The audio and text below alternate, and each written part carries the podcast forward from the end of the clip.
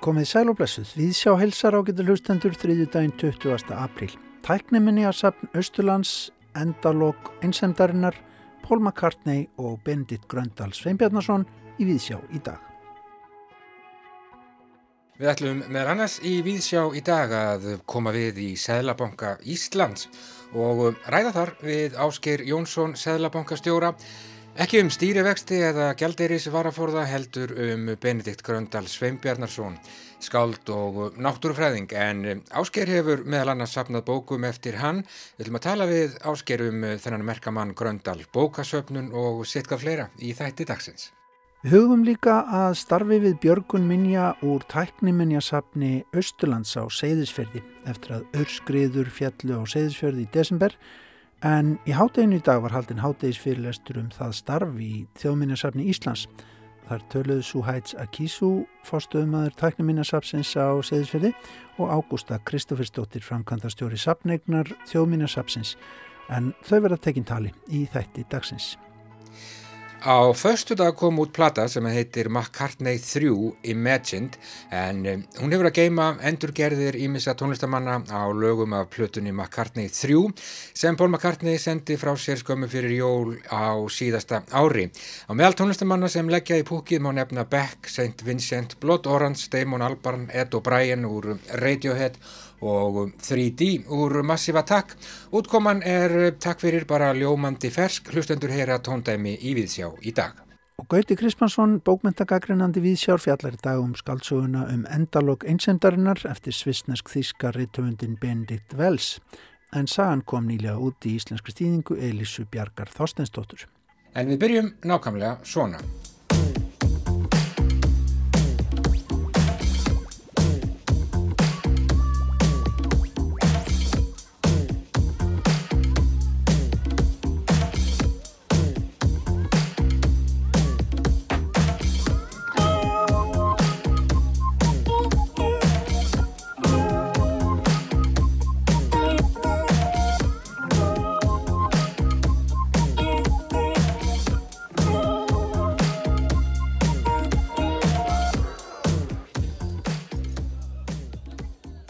Hvað gerir maður þegar maður er 78 ára gammal poppari búin að semja öll bestu laugin, búin að vera í bestu poppljómsveit í heimi og sigra þann sama heim oftar en töluverður á komið?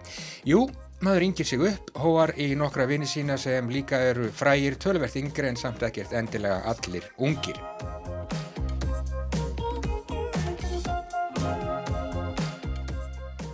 Á förstu dag þá kom út plata sem heitir McCartney 3 Imagined en um, hún hefur að geima endurgerðir ímissa tónleistarmanna á lögum af plötunni McCartney 3 sem kom út skömmu fyrir jól á síðasta ári á meðal tónleistarmanna sem leggja í púkið má nefna Beck, St. Vincent, Blood, Orange, Damon Albarn Josh Homme úr Queens of the Stone Age, Ed O'Brien úr Radiohead, 3D úr Massive Attack og Dominic Fike sem reyndar er ungur aðeins 25 ára gammal. Allir, bókstæðlega, allir tilbúinir að kasta því frá sér sem þeir eru að sísla við þá stundina og vinna með eða fyrir Paul McCartney það er eðlilegt.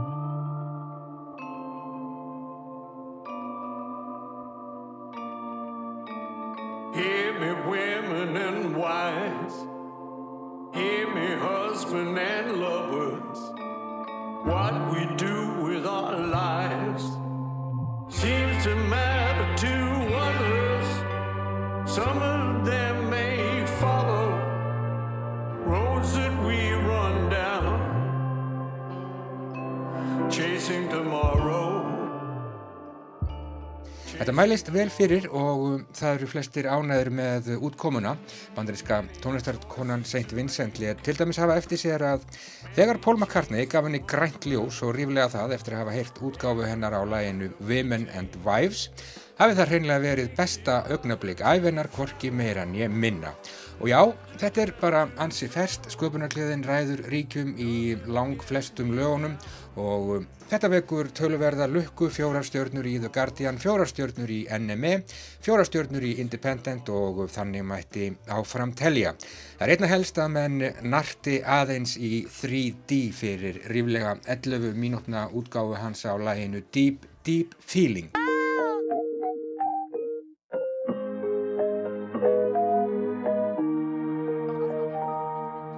Platan McCartney 3 kom eins og áður segir út skömmu fyrir jól í fyrra.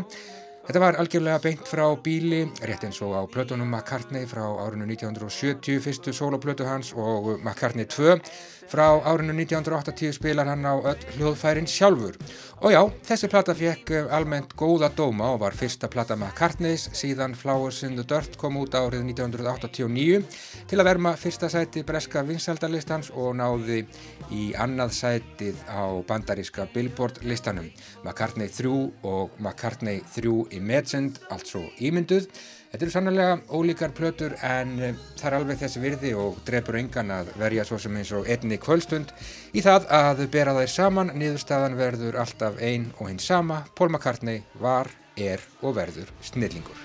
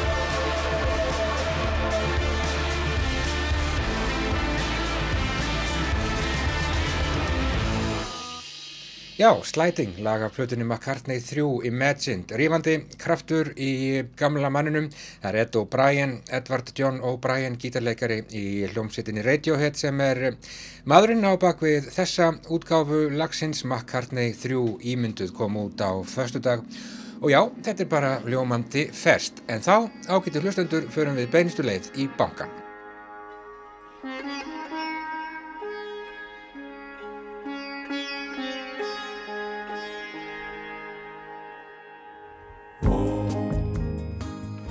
Já, ég kom hingað uh, út í Sæðlabanka Íslands, uh, hjá mér sittur Sæðlabankastjóri Ásker Jónsson, ég ætla ekki að tala við hann um uh, stýrivexti eða, eða gjaldiris var að forða að þessu sinni, ég ætla að tala við hann um Benedikt Gröndal Sveinbjarnarsson, Ásker ég veit að þú hefur verið að hugsa um, um Benedikt og, og varst aðeins svona að minnast á hann á, á Facebook um, um daginn, bara fyrst, akkur er Benedikti?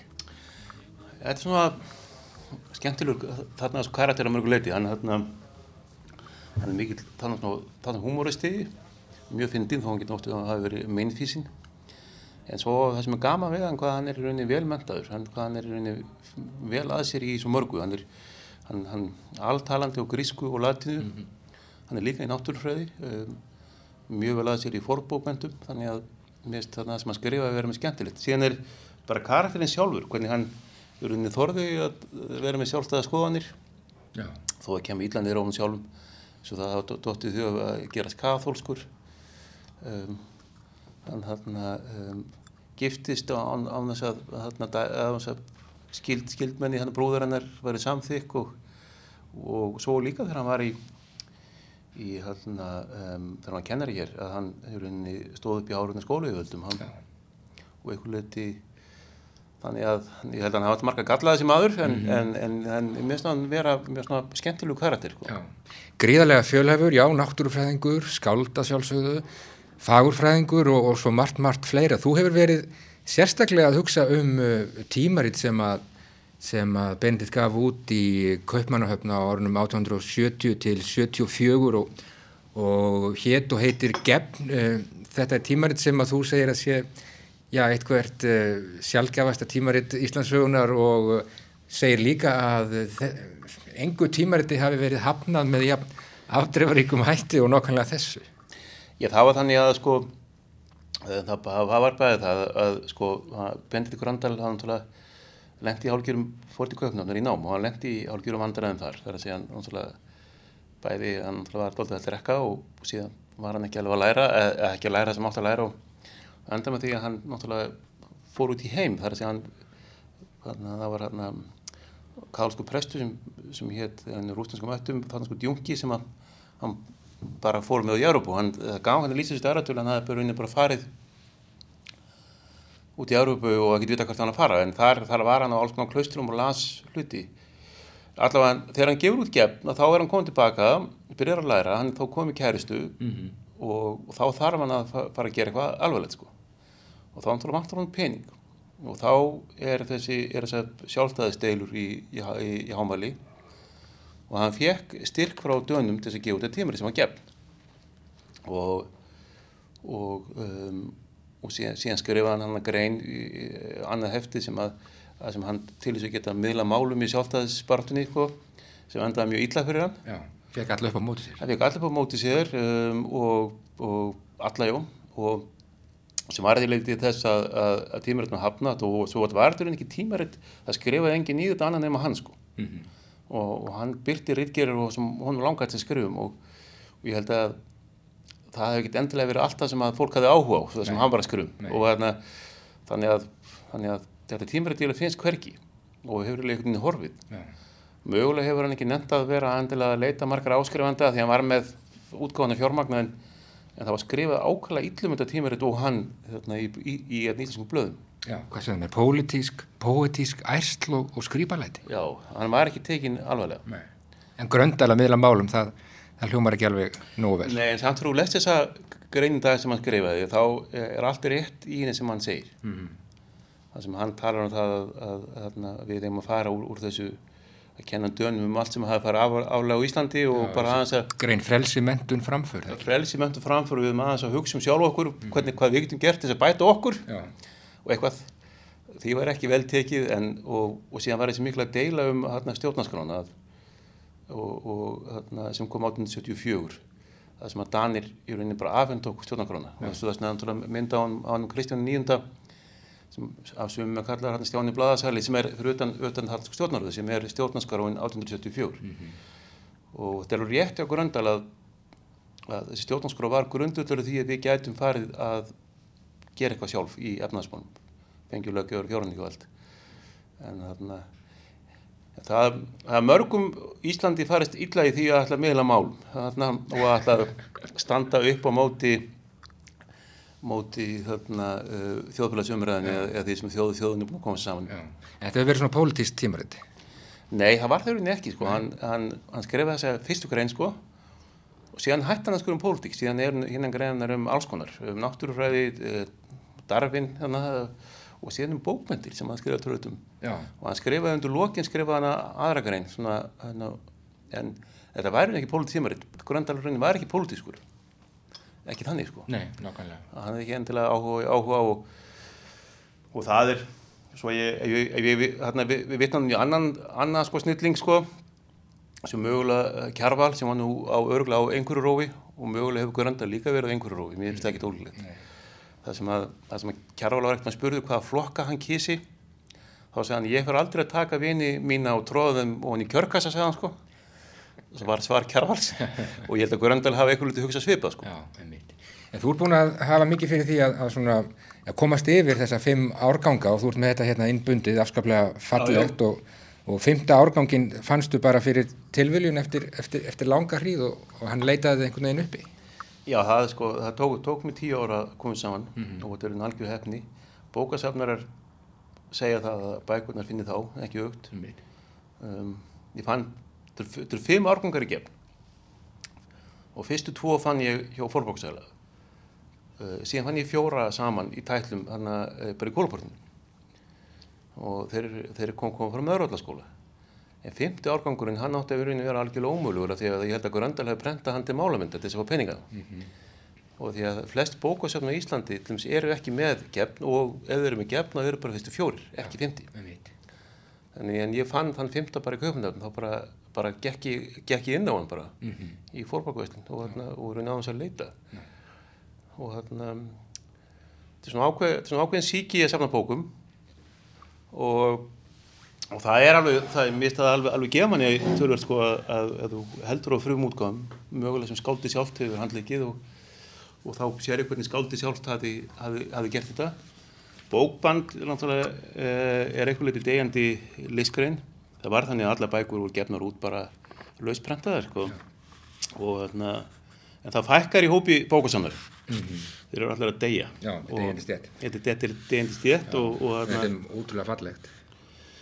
já, og þarna, og ég hef, ég hef andala safna bókum mjög og sko, ég hef oft ekkert endilega sett það fyrir mig þó að bækunni séu lesnar sko, eða, eða notaðar. Það, það besta sem getur komað fyrir bóku er að- ef hún sé lesin upp til lagna sko. Mm en um, það er að segja á ákveðna sögu. Já. Já, ég líka með Það leftlóðar orustu líka, 16, Helesta orustu 1861. og, og þetta er kápuintak sem ég fann líka því að, því að bókbindar í gamla daga hendu alltaf kápunum á bókum og bækunum voru gefnur út og, og þarna, þannig að kápuinduk njóta sérstaklega virðingar Já, einmitt. og þetta er kápuintak sem ég fann og lit bindinn og þarna, þetta er frumútgáfi Helesta orustu Helesta orustu var metsölubók hjá Já. Gröndal, Gröndal Heldur betur. og um, að því hún svona fyndi þetta er svona, svona ykkur liti stjórnmála uh, svona álgera ádela stjórnmálinn sett upp sem rittarasaga og er náttúrulega afbörlega virkur Gröndal var afbörða húmoristi Heldur betur. en ég held líka að sko eins og með marga þarna, kannski að hann orðið bara uppistandar í dag ég veit, ég veit það ekki en, uh, en sko eins og er við með marga, marga svona góða húmorista þeir eru líka, ég held að hann er líka verið þunglindur sko, og dottið niður Já, alveg öruglega. Ég kom með eintaka heimann uh, kvæðabók frá 1900 og það er, það er áritað takk fyrir, ekki til Eirik Guðmundssonar heldur Elinar Gísladóttur með kerri kveðju frá, frá höfundin. Já, ég- þakkar henni að finna, finna árið en takk ég, ég, ég, Þetta er á 500 krónur held ég fyrir, fyrir 20 árum. já, þetta er það sem gerir, gerir þetta þarna, sérst, þarna, sko, skemmtilegt, sko, um, sko, Gröndal, það sem Gröndal gaf út eru mikið til svona, svona, svona, svona smá bæklingar hér, og, og mér, og, og Gröndal er mjög vinsæll, sko, og það er mjög misjant hvernig tíminn fer með menn þegar þeir eldast, sko, eða eftir að þeir hverfa sér þegar líka, og ég held að ef það er einhverju tveir sem hafa fengið uppreisna æru eftir dauðan, þá er það Jónas Hallgrímsson og Benedikt Gröndal, já, um, og um, Bröndal sem skálda ykkur li, liti líka en svona síðari tímum sem náttúrufræðingur og, te Já, og, teiknari. og teiknari sko. já, og, og að hvoru þótti vera, merki, vera merkilegi með þeir lifðu. Nei, og Jónas hafði orða á sig líka fyrir að vera drikkjumadur og, og einhvern veginn slugsi var ekki að fókusera það sem átti að gera og, og báður voru náttúrufræðingar. Og þetta er aldrei sérstætt sko hvernig þið báður hugsaðum að Jónas Hallgrímsson hann álita þessi, kvæði síni væri bara svona, svona til hliður hann ætlaði sér að skrifa náttúrusjóðu Íslands uh, og sem við aldrei er útgefin reyndar. og það var það sem hann sá fyrir sig sem aðal málið og Benedikt Gröndal held ég álita að hann hefur aldrei tekin alvarlega sem skáld og hann var ætlaði sér að gera dýrafræði sem við séum búin, núna búið að gefa út og, og, um, og það að við viðum marga, fleira uh, marga, marga fleiri að þarna það sem álutu gerir til liðar að það var í rauninni að, aðal málið já, og svo endur að dægratöl svo í, sem er í rauninni æfisaga Gröndals sem var byrt 25 árum eftir að hann dó. Og það getur eiginlega engin skilið 19. öld og Íslandi nema að lesa dægratöl og hún er eiginlega ótrúlega heimild og þetta er kallin segir allt sko. Allt það sem að uh, menn voru ekki skrifa það segir hann, þetta er svona, er svona, svona tell-all æfisaga nokkurn veginn. Já. og, þarna, mjög meinfísinn og þarna, mjög, mjög meinfísinn en þannig mér er stegila að því að Jón Eldklerkur Stengriðsson, einhver leiti átjöndu öld, það getur enginn kynnt sér átjöndu öld í Íslandi nema að lesa, lesa æfisögu Jóns Eldklerks að þá er dagrættulega svipnum stað. já. Hann er svona einhvern veginn nær utanum þetta allt saman en þú, þér finnst ásker að já, Bendit hafi fengið, fengið uppreist nær hann, hann fannst það nú ekki vera beint metin að, að verðuleikum á, á sínum tíma og ég veit ekki, kannski var hann bara allt og fjölhefur, ég veit ekki hvernig, hvað maður, það er það ná utanum hann Sko hann, sko já, hann sko þarna, hún þótti það að hann kemur fram í dæradölu að þetta eins og þegar hann kom, hann hafi að, síst, að menta eilitan og embeds eilitan hafi lítið niður á hann. Hún var ekki bóðið í bóð. Þegar hann tók drikkjutúra þá var hann að drekka hérna á svínastíginni sem kallið var, að bara hérna það sem að allþýði fólki var. Hann drakk með sjómunum sko og uh, hún finnst hann aldrei hafa fengið að vera með sko og mögulega, uh, jú, þannig að hann segir það en, en, en ég, það virðist vera samt að mögulega hafi, hafi svona alþýðið fólk ekki, hafi, hann hefði ekkert endilega verið óvinsætt, hann var alltaf vinsætt meðan með nefnda, veit ég. Já. Hann segir svo sjálfur frá því í, í bókinu sinni, hann er bara heðilegur, hann segir sko, eftir ég tók þess að drikkitúra, þá var ég alltaf rosalega feskur að, að, og fullur á hugmyndum að skrifa og gera, segir hann sjálfur sko. En, en náttúrulega hann náttúrulega reygin úr embætti sem kennari fyrir að mæta drukkin í skólan og það náttúrulega misti konuna sína sko en, en þarna menn eru breyskir sko. Já, þetta er svona raun að saga öðrum þræði en uh, við setjum nú hér í Sælabankanum áskeir uh, uh, hefur þú tíma til að, að sinna þessu grúskiðinu, varst ekki þú nú verið að hugsa mikið um, um Jón Arason í gegnum tíðinu, einhvern tíman töluðu við saman um hann og varst ekki gefið bók bara í fyrra?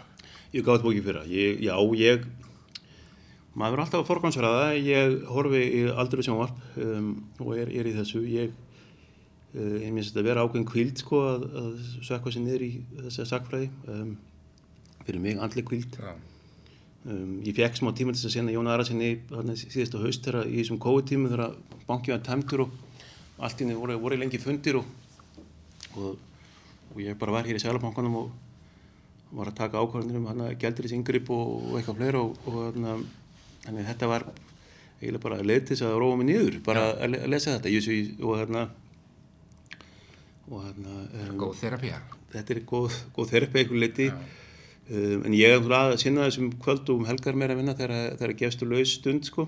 Já, og þú ert bókasafnari. Já ég er, er bókasannari og, hérna, og hef verið bara frá því að ég var, var krakki. Og, og það er eitthvað lítið líka svona, svona, svona, svona veitir manni hvata sko líka sko. og þú ert vel settur hér, Sælabankin á jú, þykist ég vita ansi gott bókasafn. Sælaminn átti mjög gott bókasafn. Og var með uh, bókbindar hér í fylltistarfi að bindin og um, mjög marga fallega bækur. Jó, uh, Jónas Nordal sérstaklega var mikill áhuga maður eins og hann átti kyn til, mikill áhuga maður bækur og, og ég hef mikill áhuga því að, að um, þó við ekki sé allir mikið lengur að vera með fullkomum bókasafn eins og Sælaminn var með, við verðum allavega með svona hagsögu bókasafn og, Já, og, og, og uh, reynum að halda Sælabankin er undir Íslandsstofn við höfum ákveðna skildur gátt Íslandi og íslenskir hagsög um, og uh, sem hefur eiginlega mjög lítið verið rannsökuð okkur viti þannig ég vil núna erum við að gera upp bankan og ég, ég vil gera maður láta hann safnið fá hansi góðan sér sko. Já, það hljómar hljómandi vel. Ég segi bara takk fyrir spjallið Ásgeir Jónsson og gangir vel bara í þínu grúski og ekki síður bara í þínum störfum hér í bankanum og haltu endilega áfram að, að hugsa um, um Bendit Gröndal, það er ekkert leðinlegt. Alls ekki og hérna eins og segi ég mér kem ekki óvart á að Benedikt Gröndal í dag að hann, hann væri með einhverju fattansku reyningu sko. Uh, Bara settur inn. mögulega, þeir sem eru ein- einhverjir þeir get ekki logið sko og, og, og, og bara sem dæmi sem hann verið ekki, ekki hafa getið gert hann um ekki maðurinn sko. Hann gæti alls ekki. Takk fyrir spjallið Ásgeir og gangið vel í dag og aðra dag. Takk. Takk að þér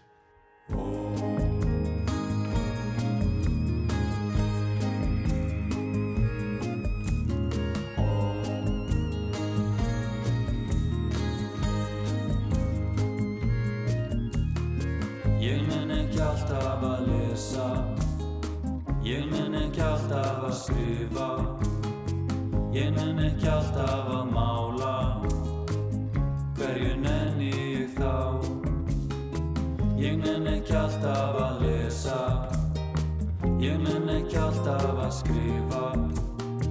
Ég nenn ekki alltaf að mála. Hverju nenni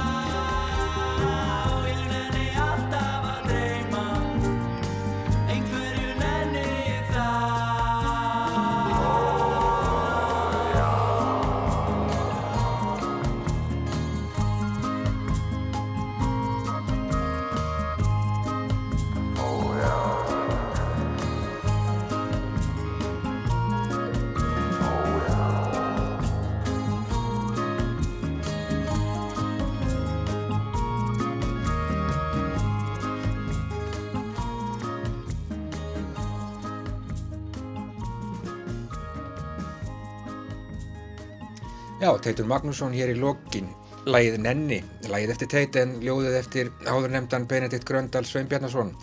Lagtekið af Plutunni 27 sem kom út árið 2014 við fórum í stutta heimsókn í Sælabanka Íslands og rættum við Ásker Jónsson, Sælabankastjóra, um þennan stórmerkilega mann Benedikt Gröndal sem var skáld, náttúrufræðingur, fornfræðingur, fagurfræðingur, myndlistamæður og eflaust margt fleira. Ásker hefur mikinn áhuga á Gröndal og hefur safnað bókum eftir hann. Og meira tengt bókum. Nú á dögunum kom út skaldsagan um endalók einsendarinnar eftir svisnesk þýska reytöfundin Benedikt Vels í íslenskri þýðingu Elísu Bjargar Þorsteinsdóttur. Þetta er saga um það að segrast á missi og einsemt og um þá spurningu hvað sé óumbreytanlegt í hverjum einstaklingi. Markvelunuð meðsölubók sem að hefur komið út í um það byrj 40 löndum.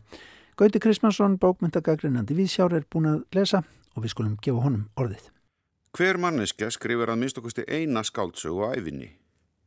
Hún er byggð á því sem við fáum í vöggugjöf í uppbeldi og umhverfi, algjörum tilviljunum tilverunar, sigurum og áföllum, lífsákvarðunum sem við tökum til góðs eða íls og, síðast en ekki síst, minningunum sem þetta allt gefur okkur og við mótum síðan í þessa skáldsögu lífsins. Þetta er kannski nótskurðin í þessari frásögn sem fjalla líkum sorgina, fóreldramissi, glötuð tækifæri ástarinnar og hlutverk fjölskyldunar í lífinu. Um endalokk einsemdarinnar er margslúkin saga, þroskasaga sem fjallar um lífslaup ungs manns frá tíu ára aldri, er hann missir fóreldra sína í bílslýsi og framöndir miðjan aldur. Sagan hefst reyndir á því að sögumadur í fyrstu personu vaknar upp á sjúkrahúsi árið 2014 eftir vélhjólastlýs og það ræsir frásögnina í formi minninga fram að þeim tíma, frá því skömmu áður en hann misti fóreldrana. Hann er yngstur þryggja sistkina og þau fara öll á heimavistaskóla eftir áfallið, en þóttu fari í sama skólan skilja leiðir þar að vissu marki. Sistkinin eru samt sem aður mikilvægar sögupersonur og síðar í sögunni ná þau aftur sterkar í tengslum, þótt að sé upp og niður á þeim 35 árum sem sögutíminn tekur. Eins og titillin gefið til kynna er þema sögunar einsemdin og hvernig á að komast yfir það ástand, sem hér stafar oftast af óvæntum vendingum í lífinu. Vendingum sem vel eru byggðar inn í form hennar, þær eru dramatískar og sterkar. Í upphafi bílslis foreldrana, um miðbyggið, brostnar vonir unglingsins í ástalífinu, óvænt hamingjan og sorgin eftir tilveru streði í nokkur ár og loks hans eigið slis undir lokin, þar sem lífslöngunin hangir á bláþræði. Það er ekki hægt að fara nánar út í þessi efni á þess að segja þeim of mikið sem ekki hafa lesið enn. En þó má segja að sagan miðli þeirri von sem titillin ber með sér að einsemdin sé böl sem hægt sé yfirstíga þrátt fyrir markáttuð áföll í lífinu. Personurnar eru ljóslifandi í sögunni og mjög raunsægislegar, sérstæðir karakterar en samt sem aður fólk sem við þekkjum öll einhver staðar. Nútíma fólk sem lendir í lífinu eins og það hefur verið undanfarnar áratýji í vestur Evrópu. Marta því er áhugavert og sömt jáfnvel skemmtilegt. Lífsorkusugan Liss, stóra sýstir sögumanns, kona sem er alveg ófeimin við að nota sjarma sinn og fegurð til að leika sér á kallmönnum með hún hefur áhuga og kasta þeim síðan á haugana. Eldri bróðurinn Marti með þráhyggjuna græðir á internetinu meðan það er í baddómi sínum og verður loks prófessor við háskólan í München. Sögumæður sjálfur, Jules, sem dreymir um að verða ljósmyndari og rítöfundur, hlédragur og feiminn þor hann valla að játa ást sína til stúlkunar Ölfu, sem sest hafði hjá honum á fyrstu dögunum í heimavistaskólunum. Og loks tóni, vinur eldri bróðurins, sem aldrei sér sólina fyrir sístru bræðrana. Allar þessar personur eru vel afmarkaðar og raunar ímsara auka personur líka. Engum rúsneski rítöfundurinn A.N. Romanov, sem ungur að árum heimsótti Vladimir Nabokov og hefur kannski lært ímislegt af honum, ekki síður en höfundu þessarar bókar. Fyrir utan það að sögumæðurinn nefnir Nabokov í sögunni bætist við að hann nýti sér að vissuleiti það sem vil kalla tilvílunarprinsip Nabokovs. Tilvíljanir í tekstanum valda miklum kvörfum en þær eru engar tilvíljanir. Þær voru óumflíjanlegar þegar öllur á bátning kvöld. Annað er hvernig höfundur ræði blátt áfram um flókin sambönd, ástarvæntingar sögumanns og þrýhyrningin í svisneskri villu upp í fjöllum. Hér svífur andi Nabokovs yfir vötnum og það er ekki dregin einn dul á það. Frásögnin er ekki eins íronísk og gjarnamar hjá honum og raunam að segja að loka hluti sögunar sé nokkus konar meðvitaður anti-Nabokov.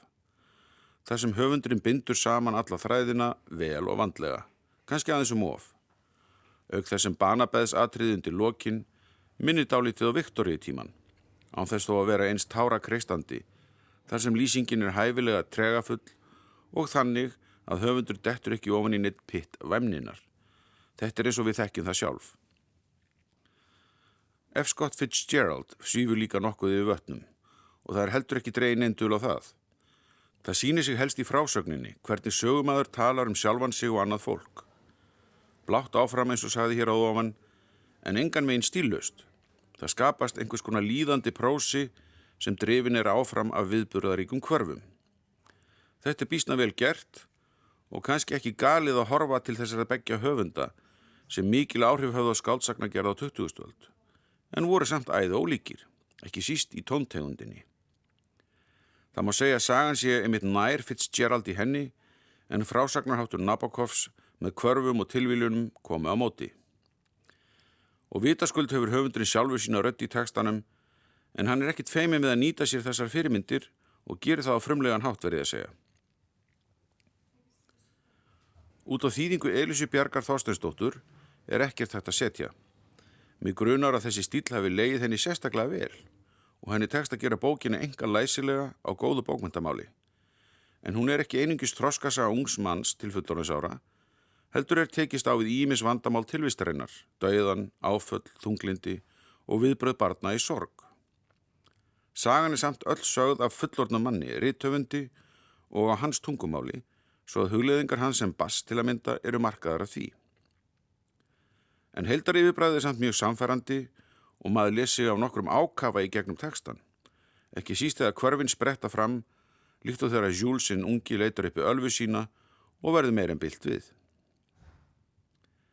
Höfundurinn Benedict Wells er ungur, fættur 1984 og náði fljótt miklum frama í Þískalandi og hefur gefið út fimm skáldsögu frá 2008, auk eins smásagnasaps og hlotið ímis verlaun.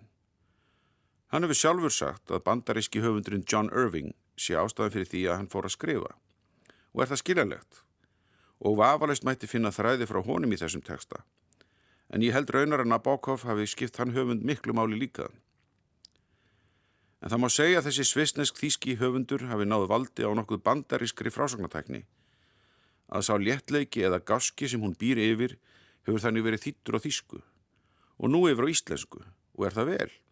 Því það er með bókmyndirnar eins og fugglana, því fleiri sem syngja með sínu nefi, því falleri verður söngurinn. Sagði Gauti Krismansson um skáldsöguna um endalók einsemdarinnar eftir svistnesk þíska réttöfundin Benedikt Wells sem kom nýlega út í íslenskri þýðingu Elísu Bjarkar Þorsteinsdóttur. Mark Slungin saga sagði Gauti enda mark velunuð og já, þetta er bók sem hefur komið út mjög víða. En þá, ágættu hlustendur, höldum við austur á fyrði að minnstakosti í huganum.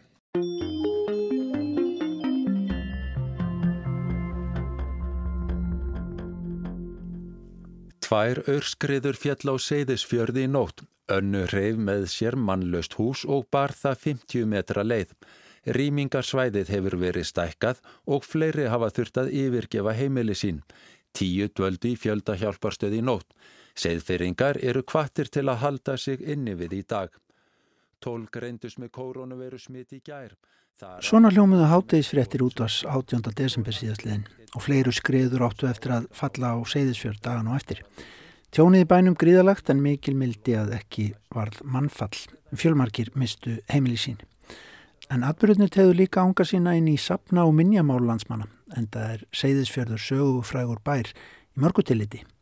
Tækniminjasapn Austurlands er staðsett í bænum og hefur á undanförnum árum fjallað um sögu Íslands með áherslu á tæknivæðingu landsins frá um 1880 til dagsins í dag. Þar hafa verið síndir meðal annars munir, minjar, hús, myndir og verkferðlar ímiskonar. Þar hefur verið mikið um óvinnlegar vélar og búnað og aðrar menningaminjar sem ekki eru til sínis í mörgum öðrum söpnum landsins. Fjallað um véltækni, ramagn, fjarskipti, samgöngur, byggingalist og ýmislegt fleira. En sapnið fór illa úr atbyrðunum hryllilegu í desember og í dag var kallað til fundar í þjóminasafni Íslands undir yfirskriftinni Tækniminjasafnið á Seyðisferði 124 dögum síðar. Þar voru skoðaðar í máli og myndum afleðingar af öskriðunum sem að fjallu á bæin og starfsemi Tækniminjasafsins.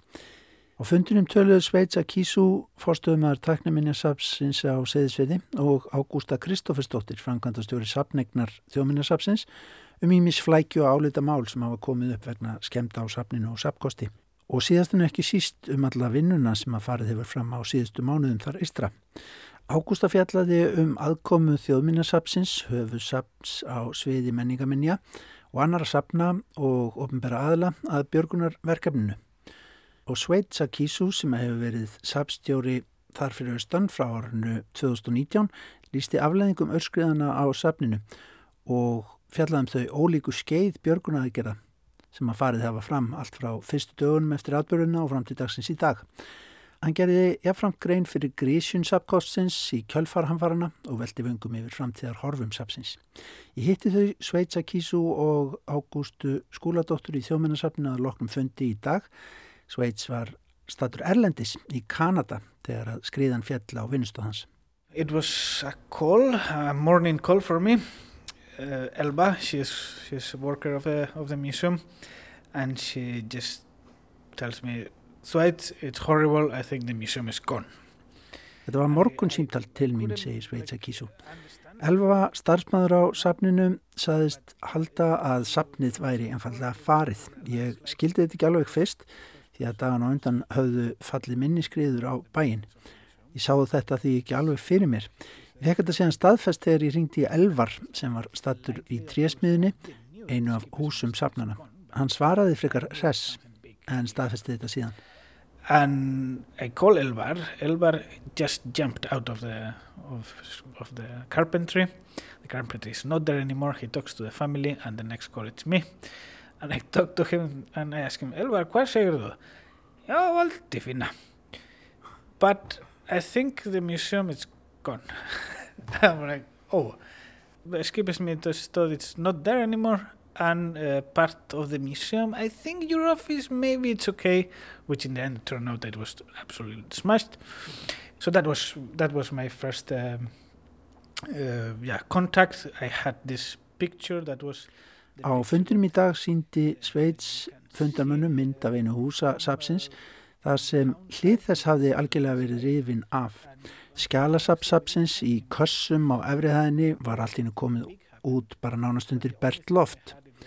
En á neðrihæðinni í því húsi gjör eðlaðist skrifstofanans. Þessu áttaði Sveit sig betur á þegar hann kom slagsins til Íslands í upphafi í januar. Húsið hafði færst um einhverja 20 metra, ripnaði í sundur og lofthæðin á skrifstofunni var komin í eins og 1 metra. Yeah, yeah, yeah. If I mean, uh, when I arrived uh, in in January, the beginning of January, I was in that building. The building was moved uh, 20 meters further, and it moved the, the situation. It was broken in two almost uh, as a boat, and I was in. It, was in my own office. The height of my office it was one meter, so it was squished. Uh, the- the table was there, so it might have been saved. It was under the table. I was hoping for for some uh, idea like that, but yeah, it, it was it was a pretty close call. Yeah. Tækniminjasafnið var í sex byggingum. Tvær þeirra hörfu í raun af yfirborði jarðar og aðrar tvær voru mjög alvarlega skemmtar, taldar ónýtar. Eitt húsana verður líklega flutt en gamla vélsmiðan Steinhús fer líklega ekki neitt. En hugmyndir eru upp um að hún verði notuð að hluta til að minnstakosti til að miðla sögu þessara nýliðinu atbyrða. Og sapstjórin bendir á að mikilvægt sé að miðla áfram tækniminja sögu seðisfjörðar. Bærin hafa verið miðstöð nýsköpunar og nýrar hugsunar í kringum aldamóti 1900, hvað var þar arkitektur, ljósmyndun og síðast en ekki síst samskiptatækni. It's uh, yeah. If we see the beginning of the 20th century, it, it was a hub of innovation uh, as such. Seyðisfjörður had you know, m- one of the few uh, first innovations in all Iceland uh, regarding to architecture, regarding to uh, photography, regarding to telecommunications, especially te- telecommunications, because it was the first connection to mainland Europe. So it was a big, important hub of, of all sorts of technological and social innovation in, in that time. Sjálfur segir Sveits Akísú sem er frá Baskalandi hafa orðið ástfangin af seðisfyrði og ekki síst tæknuminnasafnu þegar hann kom þangað fyrst árið 2012. Hann hefur alla tíð unnið á safni og stemdi því þangað þegar hann fór inn í bæinn. Þar var hún mengar vel tekið af Pétri Kristjánssoni fyrfirandi fostuðumanni. Uh, well, I arrived to Seyðisfjörður 2012 and I, I came just for the summer and I, I worked in a this uh, research center slash uh, guest house. It was out in the fjord and I thought such a beautiful place and and I wouldn't go that often to town but I have worked in, in museums all my life. So when I went to town I went to the museum the first thing I did. And it was such a uh, uh, I would say weird feeling of a museum with like so original uh, rooms and uh, the machines that were there still. And uh, then I realized that you could actually use them. And it was this uh, Smíðihátið and then slowly I kind of like get, got closer and closer and, and met Pétur and and he's a it's a very nice talker. And at some point I was like oh Pétur there is a camera there that maybe you think I can use. And not only allow me to use but encourage me to use it. So it was uh, uh, I was into, into anal- analog photography in that time. So he just basically uh, let me use a camera of 100 years that was the weirdness of, of a museum any other museum will be absolutely no touching this object. You just it's 100 years old. For Pietro it was like yeah it's 100 years old but if it's in use it, it's something that it does have even more value. And that's something that just uh, I, I fall in love with this uh, with this museum in, that sense. I did work in, in museums that did have this approach of uh, hands-on practice heritage that's alive instead of in a, in a shelf Já, Sveits þótti mjög sérstakt að koma fyrst í tæknuminnasafnið. Það var svo frumlegt og einkennlegt einhvern veginn og ekki síst sérstakt að mikið af sapkostunum var enn í nótkun. Hann fikk til dæmis að prófa að forláta 100 ára gamla myndavill. Var mjög hrifinn af lifandi safninu. Eitt leiti til annars og árið 2019 tók hann við að Pétri Kristjánssoni sem forstuðum aður sapsins. Á fundinum í dag síndi Sveits síðan myndir frá björgunarstarfi sapkostsins, reynsunans, flokkun, þurrkun og greiðsjun til dæmis. Vinna sem að virkar massív og vel framkvæmt á nokkru myndum þegar maður sér hana svona en hefur fyrst og fremst verið mjög erfið. Yeah, uh, I mean, in, in pictures, it's it's good. In in real life, it's it's hard. It, it's there is a lot of uh, little things that they, they are on the way. Logistically, uh, also uh, stress wise, it's it's not something that you will push play and and the recovery starts. It, it's a it's a book that we are writing while we are doing. Or it's a handbook of what to do if a museum disappears in the mud, uh, which we hope it doesn't happen again, but it can happen in another way with a snow avalanche or a volcano, whatever. It can happen in, in any sense and in any scale as well. In our case, it was very brutal that uh, that we lost that many buildings and that many objects and, and, and heritage. Uh, but I would say that the the community pulled together in in in a very beautiful way. The museum community helped a lot uh, doing all this do all this work, and also the community of Seyðisfjörður. We we could just like we need a forklift, and and somebody will come with a forklift. It was just help and and good intentions what was behind the the attitude of the people, and it was just uh, beautiful to see how uh, very difficult situations, very difficult moments, it can be challenging, but also uh, it, it brings the best of, of everybody. segir Sveits Akísu fórstuðumæður tækniminnisaps Östurlands á Seyðisfyrði sem hefur haft í nógu að snúast undanfarta mánuði. Hann rósar samfélaginu í kringum sapnið heimamönnum sem að brúðust endalust við beðnum um aðstóð og vinnum og sapna samfélaginu á Íslandi almennt. En í gegnum viðbröð þess fór Ágústa Skúladóttir, framkvæmdastjóri sapnegnar þjóðminnasapsins á fundinum í dag.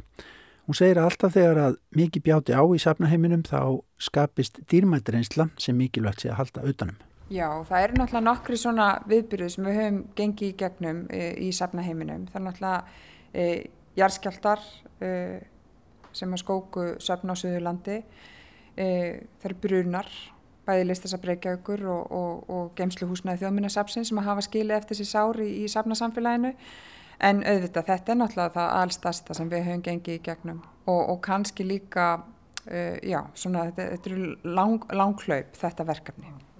Hvernig er aðkoma þjóðminnasafsins? Hún, þjóðminnasafnið er, er auðvitað höfuðsafn yfir þessu sviði og ég meina, hvað fælst í því til dæmis? Þið hafið þurft daldið er það ekki að fóta ykkur í þessu verkefni? Bara svona samskiptu milli aðla?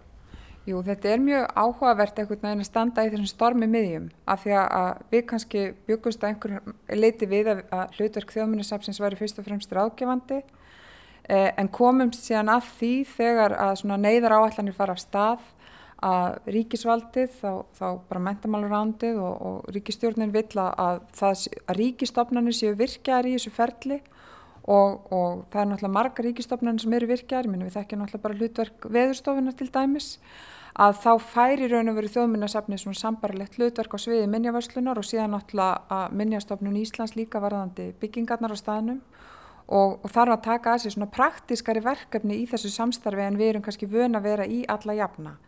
En síðan kemur til að það er náttúrulega valin maður í hverju rúmi mm, bæði í, í söfnunum og minnivörslunum og ekki síður heima í héræði og, og austurbrú til dæmis og, og samskiptin svona austur fóri í gegnum austurbrú og það var algjörlega frábært að hafa það og mjög svona lærdómsrikt fyrir okkur að sjá hvernig þetta, hvernig þetta gengur allt fyrir sig.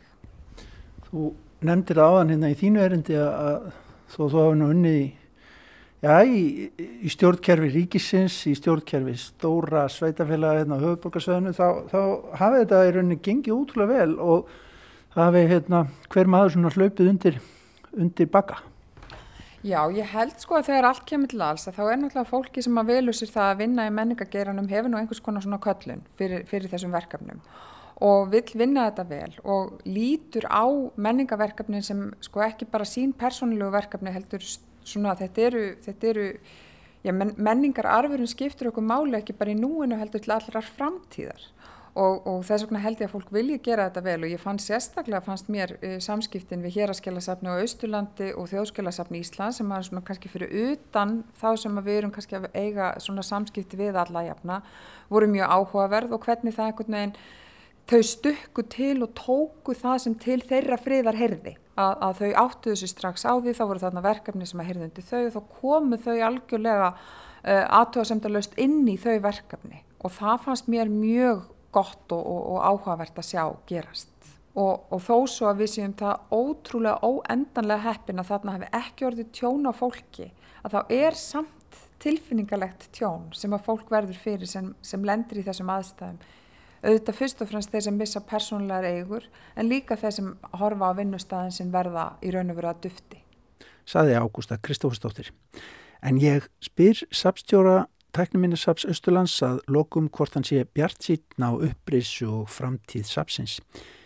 Ég hef svo sem ágjur alla daga, segir Sveit Sakísu, en mikið af sapkostunum er samt eftir. Honum höfum við náðið að bjargaða stórum hluta.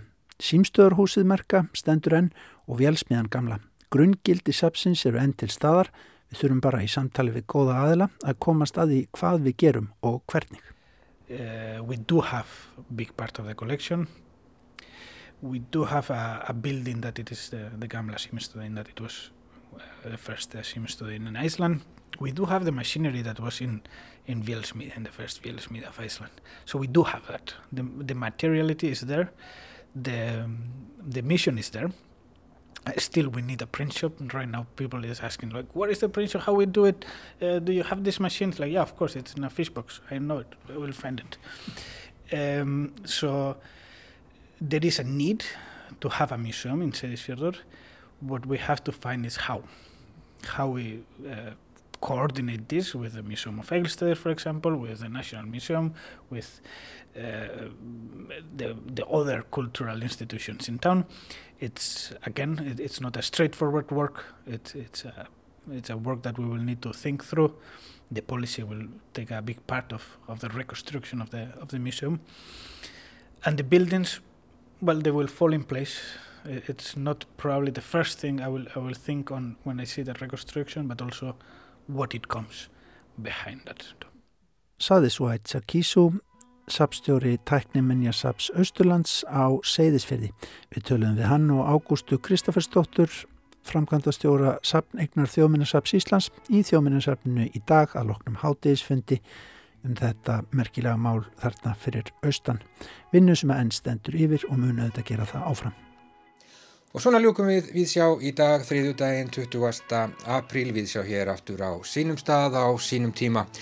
Löst eftir klukkan fjögur á morgun síðasta vetrardag. Takk fyrir samfélgina í dag kærlega. Verðið sæl.